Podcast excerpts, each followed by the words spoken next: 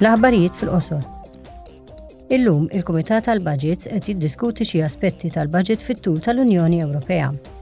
Il-Kummissarju Johannes Hahn l-ewwel se jipproponi soluzzjoni strutturali sabiex lill-Ukrajna jingħata l-appoġġ finanzjarju fl-2023 Minbarra dan, il-membri se jiddibattu u jivvutaw fuq inizjattiva tal-Parlament sabiex 720 miljun euro mill-Fond ta' Solidarjetà tal-Unjoni Ewropea jiġu rilaxxati lil pajjiżi tal-Unjoni Ewropea.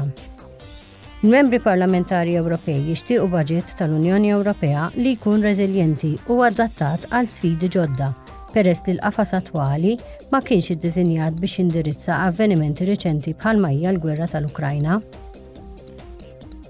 Illum ukoll il-Kumitat tal-Libertajiet Ċivili, il-Ġustizzja u l-Intern qiegħed jorganizza seduta ta' smieħ pubblika dwar l-aspetti tal-infurzar tal-liġi fir-rigward tas-sorveljanza fi spazji pubbliċi.